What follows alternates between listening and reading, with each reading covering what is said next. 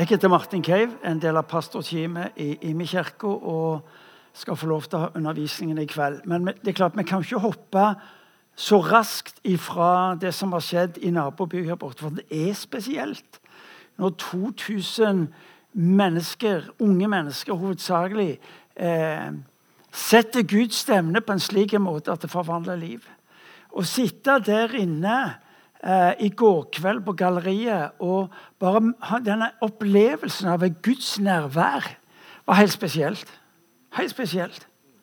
Eh, og, og, Noe av det som jeg syns er så fascinerende, er at av og til så driver vi på sånn og, og så sorterer vi ut på hva når Guds ånd er til stede, når han ikke er til stede, eller når han er bare litt til stede. Og så er det altså en, en rølpete samling av et par tusen ungdommer som er der. og Du, altså du kan snakke om hvor den teologiske dybden og forståelsen og alt det der Det er helt uinteressant.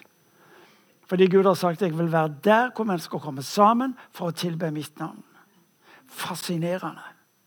Eh, og eh, det som jeg syns er det egentlig gedigne i dette, her, at impulser sine 2000, og så har du Skjærgårds, og så har du Get Focus og så, så, har du mange av disse ulike ungdomskonferansene i landet vårt som samler titusener av ungdommer gjennom året. Det er rett og slett formidabelt. Og dere sitter her og ser ut i lufta som om det skulle være den største selvfølgen. Det er all grunn til både å være begeistra og takknemlig, og la oss gi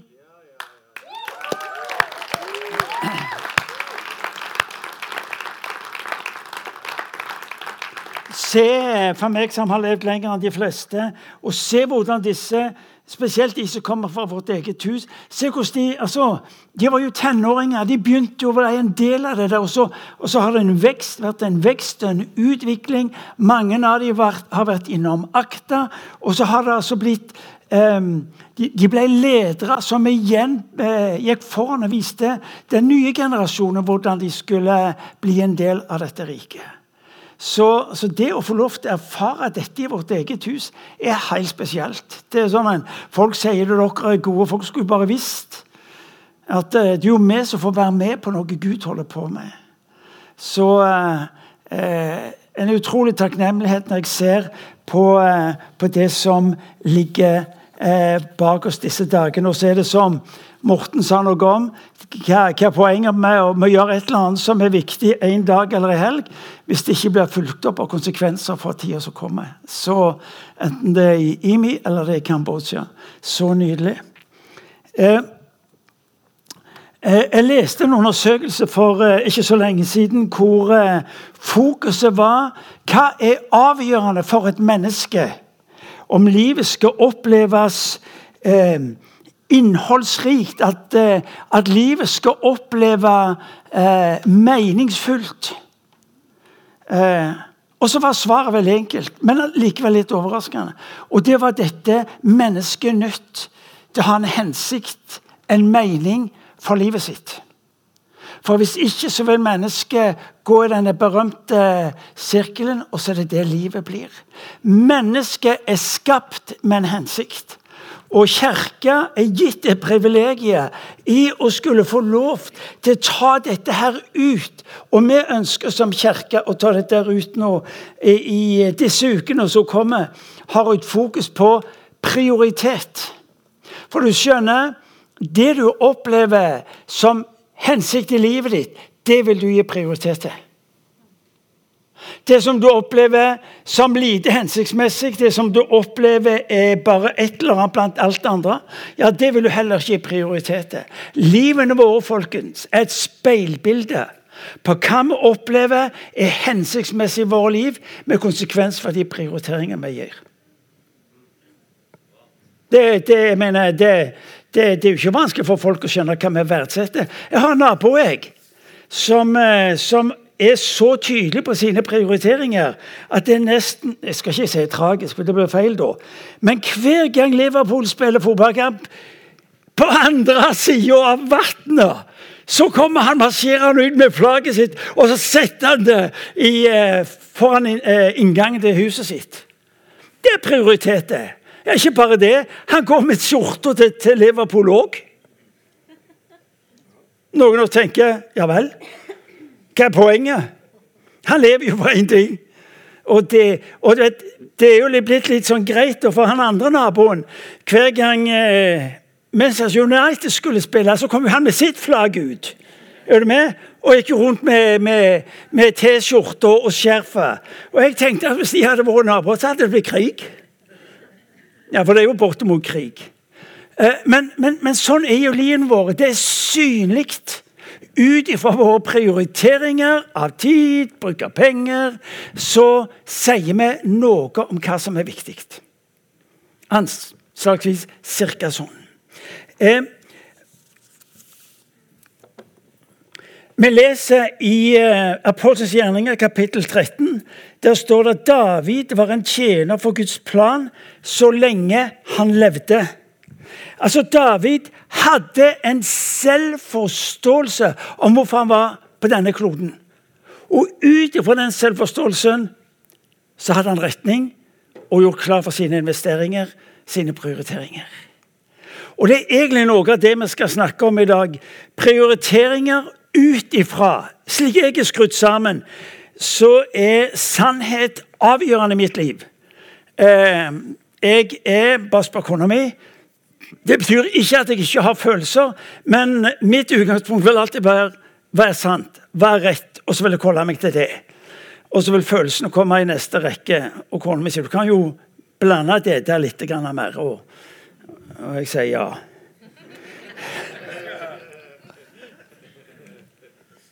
Men så er det en beretning som jeg på et vis har grepet tak i meg i dag. Hvor, hvor, det ikke er sannheten som avgjør prioriteringene dine, men det er erfaringen av kjærlighet som styrer deg. Og skal jeg forsøke å holde det sammen i kveld, og så håper jeg klokka går halvparten så fort. Slik at dere ikke merker at jeg har holdt på lenge, eller noe den duren der. Men vi skal starte med, med, med utsagnet eh, David var en tjener for Guds plan så lenge han Altså, David står opp om morgenen og har ett ønske. Det var La meg få lov til å være en del av din plan. La meg få være med på det du gjør. La meg få lov til å bare erfare at eh, når jeg møter livets ulike situasjoner, så er det et overordna spørsmål til Gud hva er din plan med dette. Hva er din hånd i dette? La meg få lov til bare være i det du tar meg inn i. Og så styrte det hans liv. Han ville fullføre det som var Guds plan for sitt liv. Spørsmålet for ham ble hvordan kan livet mitt få betydning? Jo, ved å søke og tjene det som er Guds plan. Ja, Det er lett for noen av oss, for vi er skrudd sammen sånn.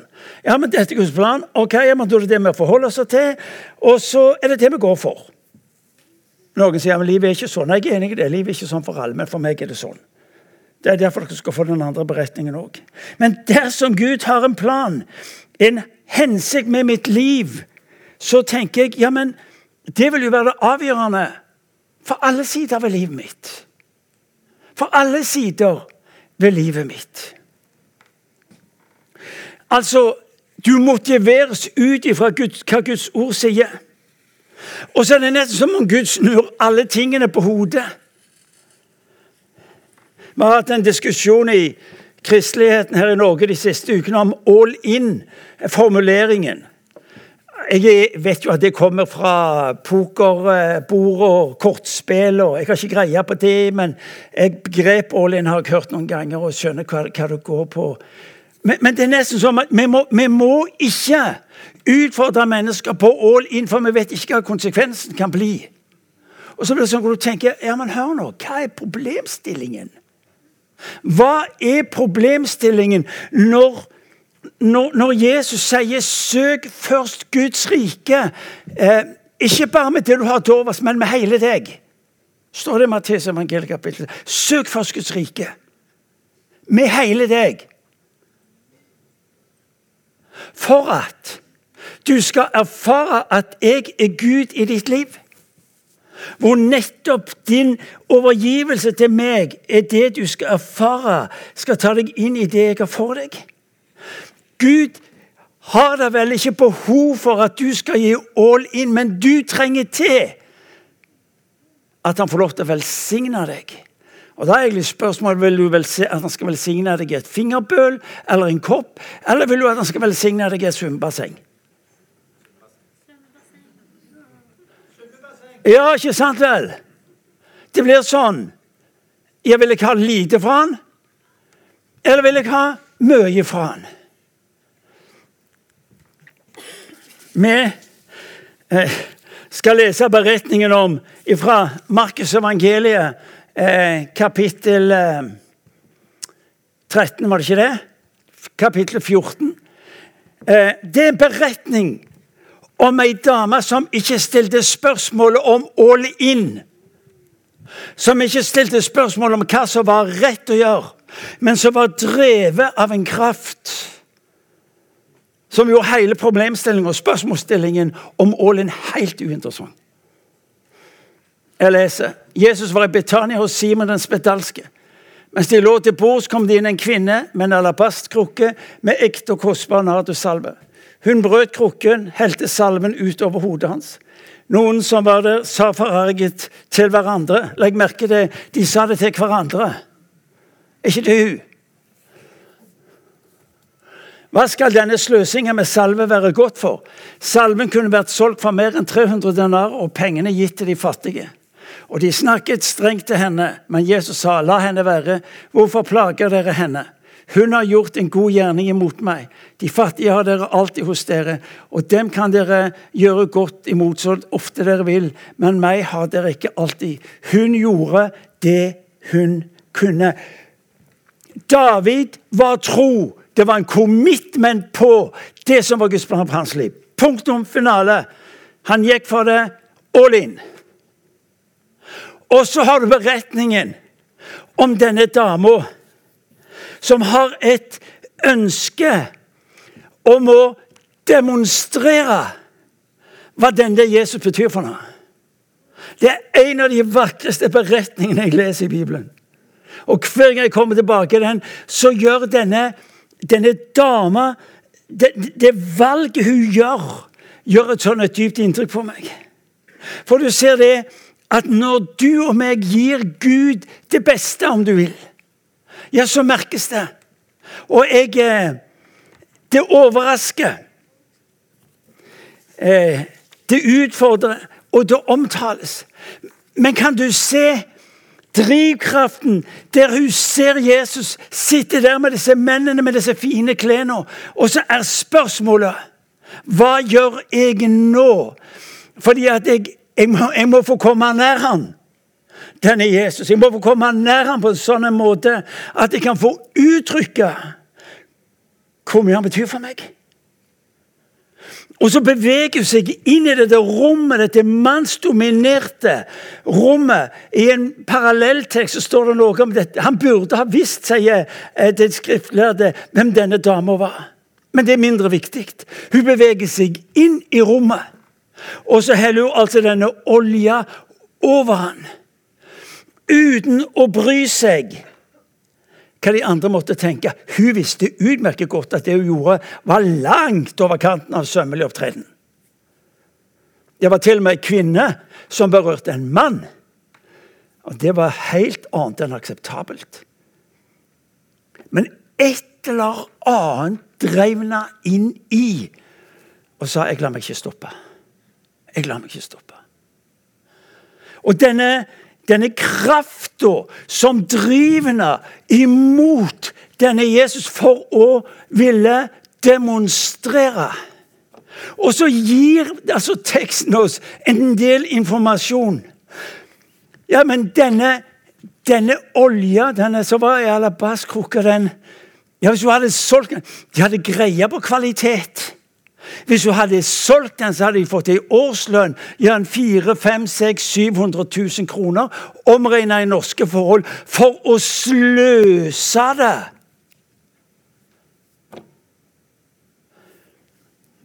Hør, hør, hør. Det er mange som stiller spørsmål med sløsinga på Jesus. Det er mange som ville si hvorfor denne sløsinga på denne Jesus. Vi kunne jo ha brukt egentlig pengene og tida og ressursene på så mange andre ting. Til de fattige, de som trenger det. Fire korte trekk. Det hun gjør, det overrasker. Det vil alltid overraske når såkalt fornuftige og oppgående mennesker i vår tid velger å gi en prioritet på Jesus. Martin var det naboen sa til meg. 'Du er jo rimelig oppegående.' Og jeg sa takk. Men jeg skjønner ikke denne kristelige greia di. Jeg hører Ja, men hør. Du Ja. Det vil alltid overraske når du og meg, ut ifra en erfaring du hva, Dette er mitt liv. Ikke fordi at jeg primært hadde et eller annet ord jeg var forplikta på men ut ifra en erfaring og relasjon jeg har fått. Det er to forskjellige ting. Det overrasker. Verden tenker helt motsatt, fordi at verden har satt seg i Guds sted. Der rår først meg selv-kulturen. Eh, der er ingen kultur i denne verden hvor skal gi Gud det beste. Det skal få lov til å kjennetegne Guds menighet. Det skal få lov til å kjenne denne Guds menighet. Jeg kan ikke la være. Fordi jeg har møtt noe som tar meg på en slik en måte.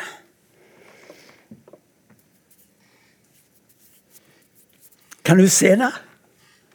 Jeg har sittet i det rommet mange ganger. Du skjønner, Jeg er introvert. Og Det betyr jeg i mitt hode kryr det med bilder. Og når jeg leste om den dama første gangen, så landa jeg i den stolen og så tenkte jeg Hva gjør du nå? Med krukka. Jeg hadde lest teksten, jeg visste hvor dyr han var. Og så så hun på, og så helv han over hodet på han. Og jeg tenkte du er ikke riktig. Ja.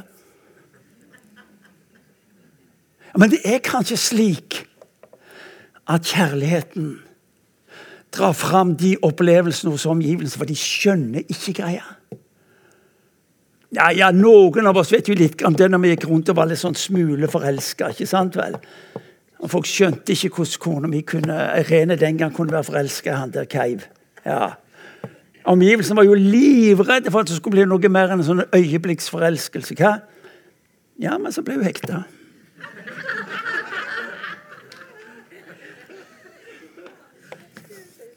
Vet du hva? Var det greit?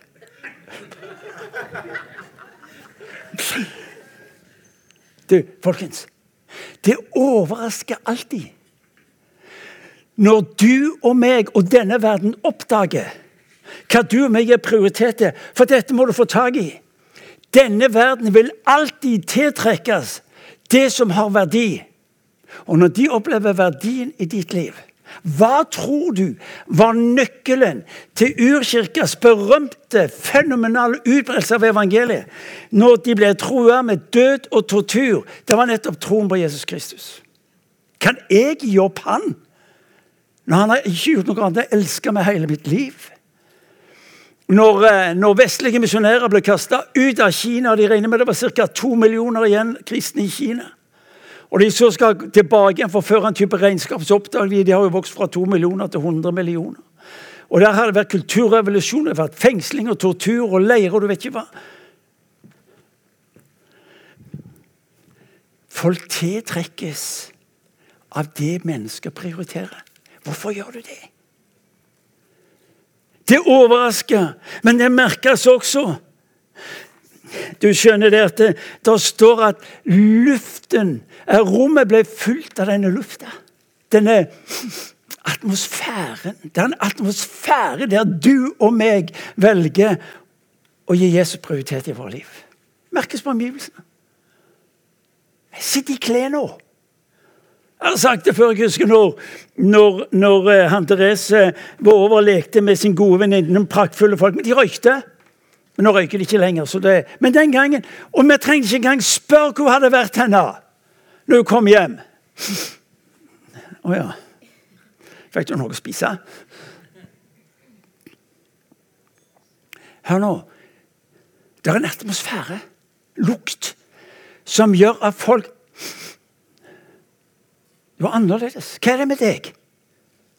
Hva, hva er det med deg? Når jeg ligger hos eh, fysioterapeuten og ei hyggelig dame, og det var ikke måte på, så sier jeg hva er det med deg? Er med det? Ja, hva, hva, mener du? Det er noe annerledes med deg. Jeg har ikke sagt et ord.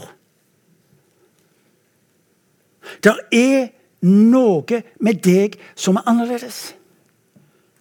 Det står at eh, hele rommet ble fylt. Der du og meg er i vår hverdag, sykehus, lærer, buss eller butikk eller hvor det måtte være henne, så sørg for at det er godlukt så rår.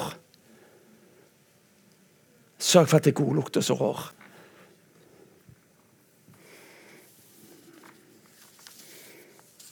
Hvis du vil ha innflytelse, så gi Gud det beste.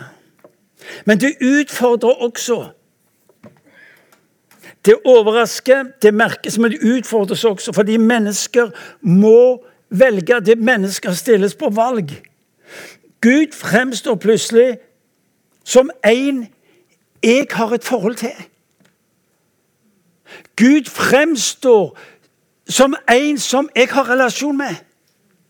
Jeg snakker med han hver dag, sier jeg. Han har lovt å holde sin hånd over meg. Merker det spesielt når jeg i senere tid har vært hos en del miljøer som ikke er spesifikt kristne. Men det gjør et dypt inntrykk på dem når de skjønner at jeg kjenner han. Jeg kjenner han. Når du velger å våge bekjennelse på Jesus, så vil det alltid utfordre. Alltid. Det vil alltid utfordre. Kvinnen uttrykker takknemlighet og en lovprisning og en tilbedelse gjennom sin handling. Vet du hva? Denne verden dere har hørt meg sagt det mange ganger, men det er ikke så farlig, for det er gyselig godt sagt. Denne verden har ikke sagt nei. Vi må våge å utfordre den, slik at ikke de bare aner et eller annet, men at de tydelig våger å omfavne. Denne dama hun hadde mottatt noe som berørte hjertet hans. Og Her er kristendommens type essens. Skal du få lov til å gi denne Kristus det beste, så må du først gi han det verste, nemlig synda di. Det er underlig, det der. Denne verden tror at det er de såkalt prektige som kan ta på seg denne hatten hvor det står kristen på. Mens du og meg vet at basis for vår relasjon med Gud Fader gjennom Jesus Kristus er jo at han fikk ta imot vårt verste. Vår synd, vår skam, det som diskvalifiserte oss. Hør nå. Ditt problem med tanke på livskvalitet er aldri manglende ressurser, manglende evner osv. Det vil alltid være synd. Og mitt spørsmål til oss her med i dag, har du gitt han det verste? I en parallelltekst så står det at de fariseerne sier at hadde han visst hvem hun var, underforstått, en syndig kvinne, så ville han ikke latt seg berøre av henne. Kanskje var nettopp forklaringen at hun hadde vært i et møte med denne Jesus som ikke bare så henne for hva hun hadde gjort, men så henne for hvem hun var. Og ved det tok henne inn i sitt nærvær.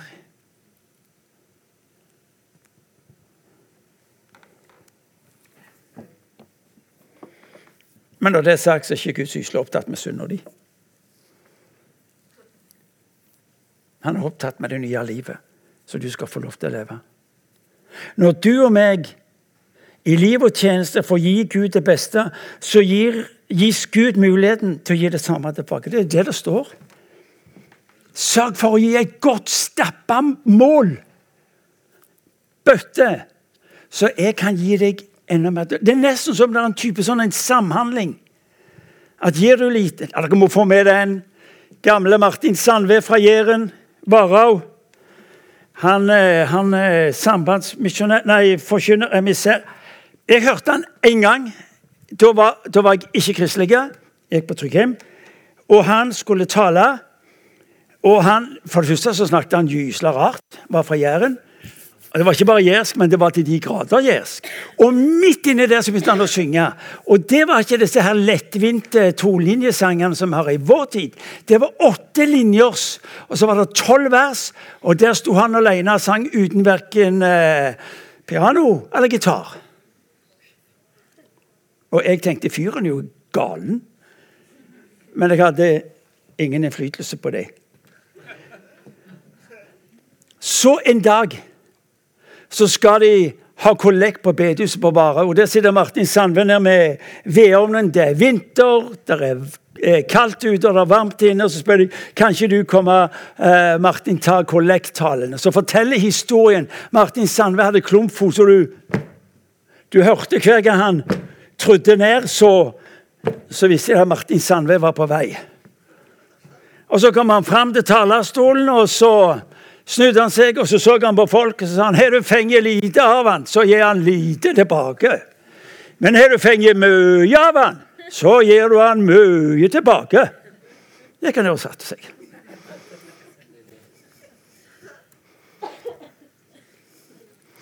Det utfordrer, men det omtales også. Jesus sier det hun gjorde mot meg, det skal vi høre gjennom alle generasjoner. Det omtales. Det omtales. Alle skal høre om det.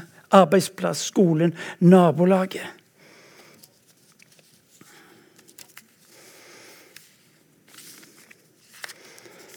Det er feil å si at jeg skal begynne å slutte, men jeg eh, har retningen.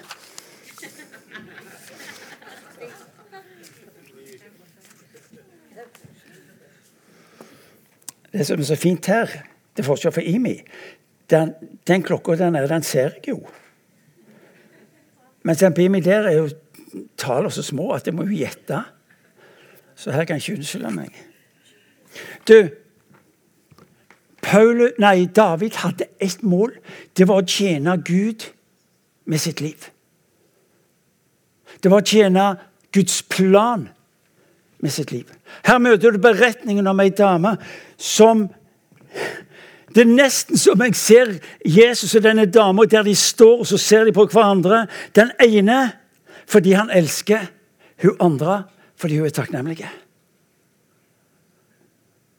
Og så gir hun all in. Det var ingen der som fortalte nå må du begrense nå må du være forsiktig.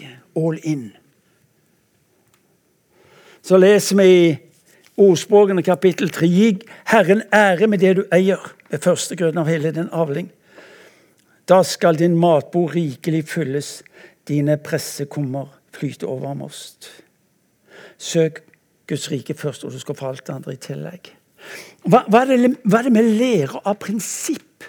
Det at når, når du og meg våger å gi inn med det Gud har gitt av penger, tid, evner osv., så, videre, så er jo det nettopp Guds mulighet til å velsigne deg tilbake. Gud trenger da vel ikke dine penger? Kom an. Han kan bare hente ned en eller annen sånn en langt der ute, og så deler han opp i biter og så selger det, så har han jo nok penger. Det, han har fantasi nok til det. Han trenger da vel ikke dine penger, men du trenger til at det han har gitt deg å forvalte, blir det som gir ditt liv det innhold og den hensikt som du og meg trenger til. Ja, men det er da noe helt annet. Av det så hører folk, ja, det, I dag kommer vi til den delen som er litt vanskelig, sier folk, og så skal de snakke om penger. Jeg elsker å snakke om penger. For hver gang jeg snakker om penger, så vet jeg her gir jeg folk anledningen til å komme til rette med et prinsipp som gir dem det de trenger for å vokse i det Gud har for dem. Og så har vi i vår menighet valgt en vektlegging og en fokusering eh, på hvordan kan vi hjelpe hverandre til å leve ut det han har for oss. Som er knytta primært til velsignelse og ikke til krav. Som er knytta primært til Guds løfter, og ikke noe du er pålagt og skal gjøre. Tienden er et trosprinsipp. Og så blir det også en type test i vårt forhold til Gud. Prøv meg, sa han. Han sier i Malakias Kom med tienden, så jeg kan få vise deg hvor mye jeg elsker deg. For du og meg tror ikke at han vil velsigne sånn, bare rett ut i lufta. Og så tar han av sin Prøv meg, sa han i Malkias. Det interessante er at han, Vi kan ikke la eh, fornekte det heller, da, at eh, det står noe om at tienden tilhører Gud. Fordi at han kaller de for tjuver. Se på meg. Han kaller de for tjuver. Han sier dere har jo tatt det som tilhører meg. Det er Gud som sier det. Det jeg ga dere som utgangspunkt for å kunne velsigne dere, det har dere tatt, så da har dere beholdt det sjøl. David sier når skal inn via tempelet, sier men hør Gud, alt det vi har, kommer jo fra deg. Alt det vi har, kommer jo fra deg. Åh. Det ville vært dumt hvis jeg skulle høre over mitt liv som han server Israels folk at eh, hør nå, dere har rana eller dere har tatt ifra meg. Du ser det er tienden. Det som, det som Gud sa dere skal, dere skal ta av alt det dere tjener, skal dere ta førstegrøten av tienden, så gir dere den til mitt hus eller forrådshuset. Så mitt hus, mitt folk, har det de trenger for å leve. Ja, men det betyr jo at eh, Ja, de resten 90 er det mine. Nei. De, de 90% du har igjen, det skal du forvalte på en måte som gjør at du fullfører det som er hensikten med livet ditt. Det er ærlig, dette. Noen vet, dere vet jeg har sagt det før. Jeg regner meg, Vi har aldri gitt tienden som mål. Det har aldri vært mål for oss å skulle gi tiende. For oss er tienden bare begynnelsen. Fordi vi vet at hvis vi våger å bli værende i et bibelsk prinsipp om å gi ut, så vil velsignelsen være naturlig følgesvenn. Ikke fordi vi planlegger eller eh, spekulerer i, men rett og slett fordi vi tror det er Guds måte å føre oss framover i visdom og innsikt. Nå skal du høre. Når du og meg lærer oss å se ressurser, penger, som det Gud velsigner, så er det nettopp fordi at det skal få lov til å ha betydning i eget, andres og i denne verden sitt liv. Det å gi gjør meg lik Jesus. Ja. Så enkelt. Hvor mange av dere ønsker og syns det er herlig å høre når folk sier om dere at eh, nei, han der klarer, og hun der hun klarer å grafse til seg sjøl hele veien? Hva? Og sagt at nei, det der var Han der eller hun der, de, de klarer hele veien. De kan den der, vet du. Eller vil du Nei, vet du hva? Å være sammen med de folka der, det er noe av det mest velsigna jeg kan tenke. For de gjør jo ut hele veien. De, de leter jo etter muligheten til å kunne velsigne. Godheten er jo nettopp et resultat av det. Det er hundrevis av mennesker i denne menigheten som har ett fokus. Og det er at når de ser et behov, så vil de fylle det. Ser et behov, så vil de fylle det. Ser et behov, så vil de fylle det. Fordi de ønsker å være Jesu etterfølgere, som er synlige med hensyn til hvem de følger etter. Alt tilhører Gud. Du har det på lån og til forvaltning. Ja.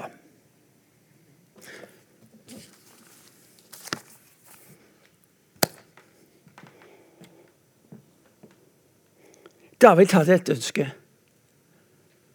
Det var å se Guds plan fullført ved hans liv. Gud, det vil jeg prioritere.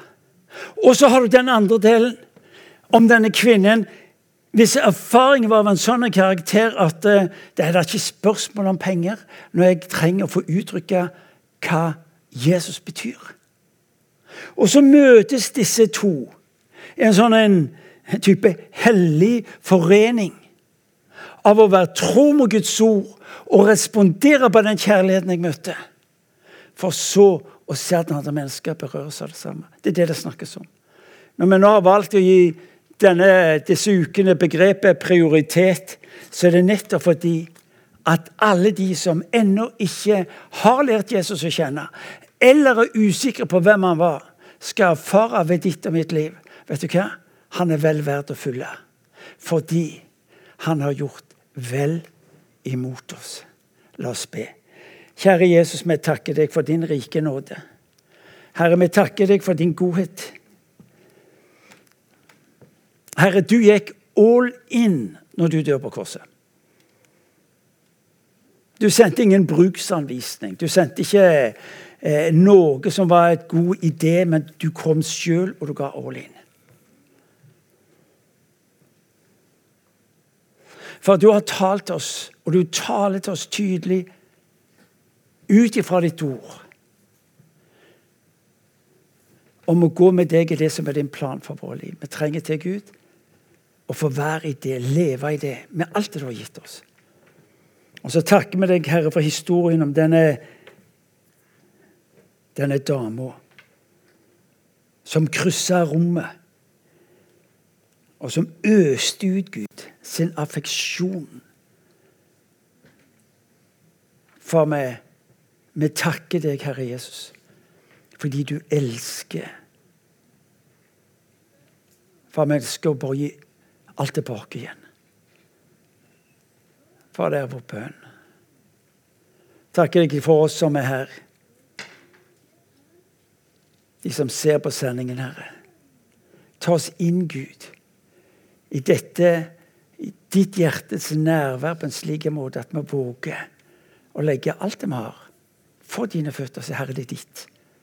Gi oss visdom innsikt til å forvalte det på en måte som berører mennesker, og gi deg ære. Amen.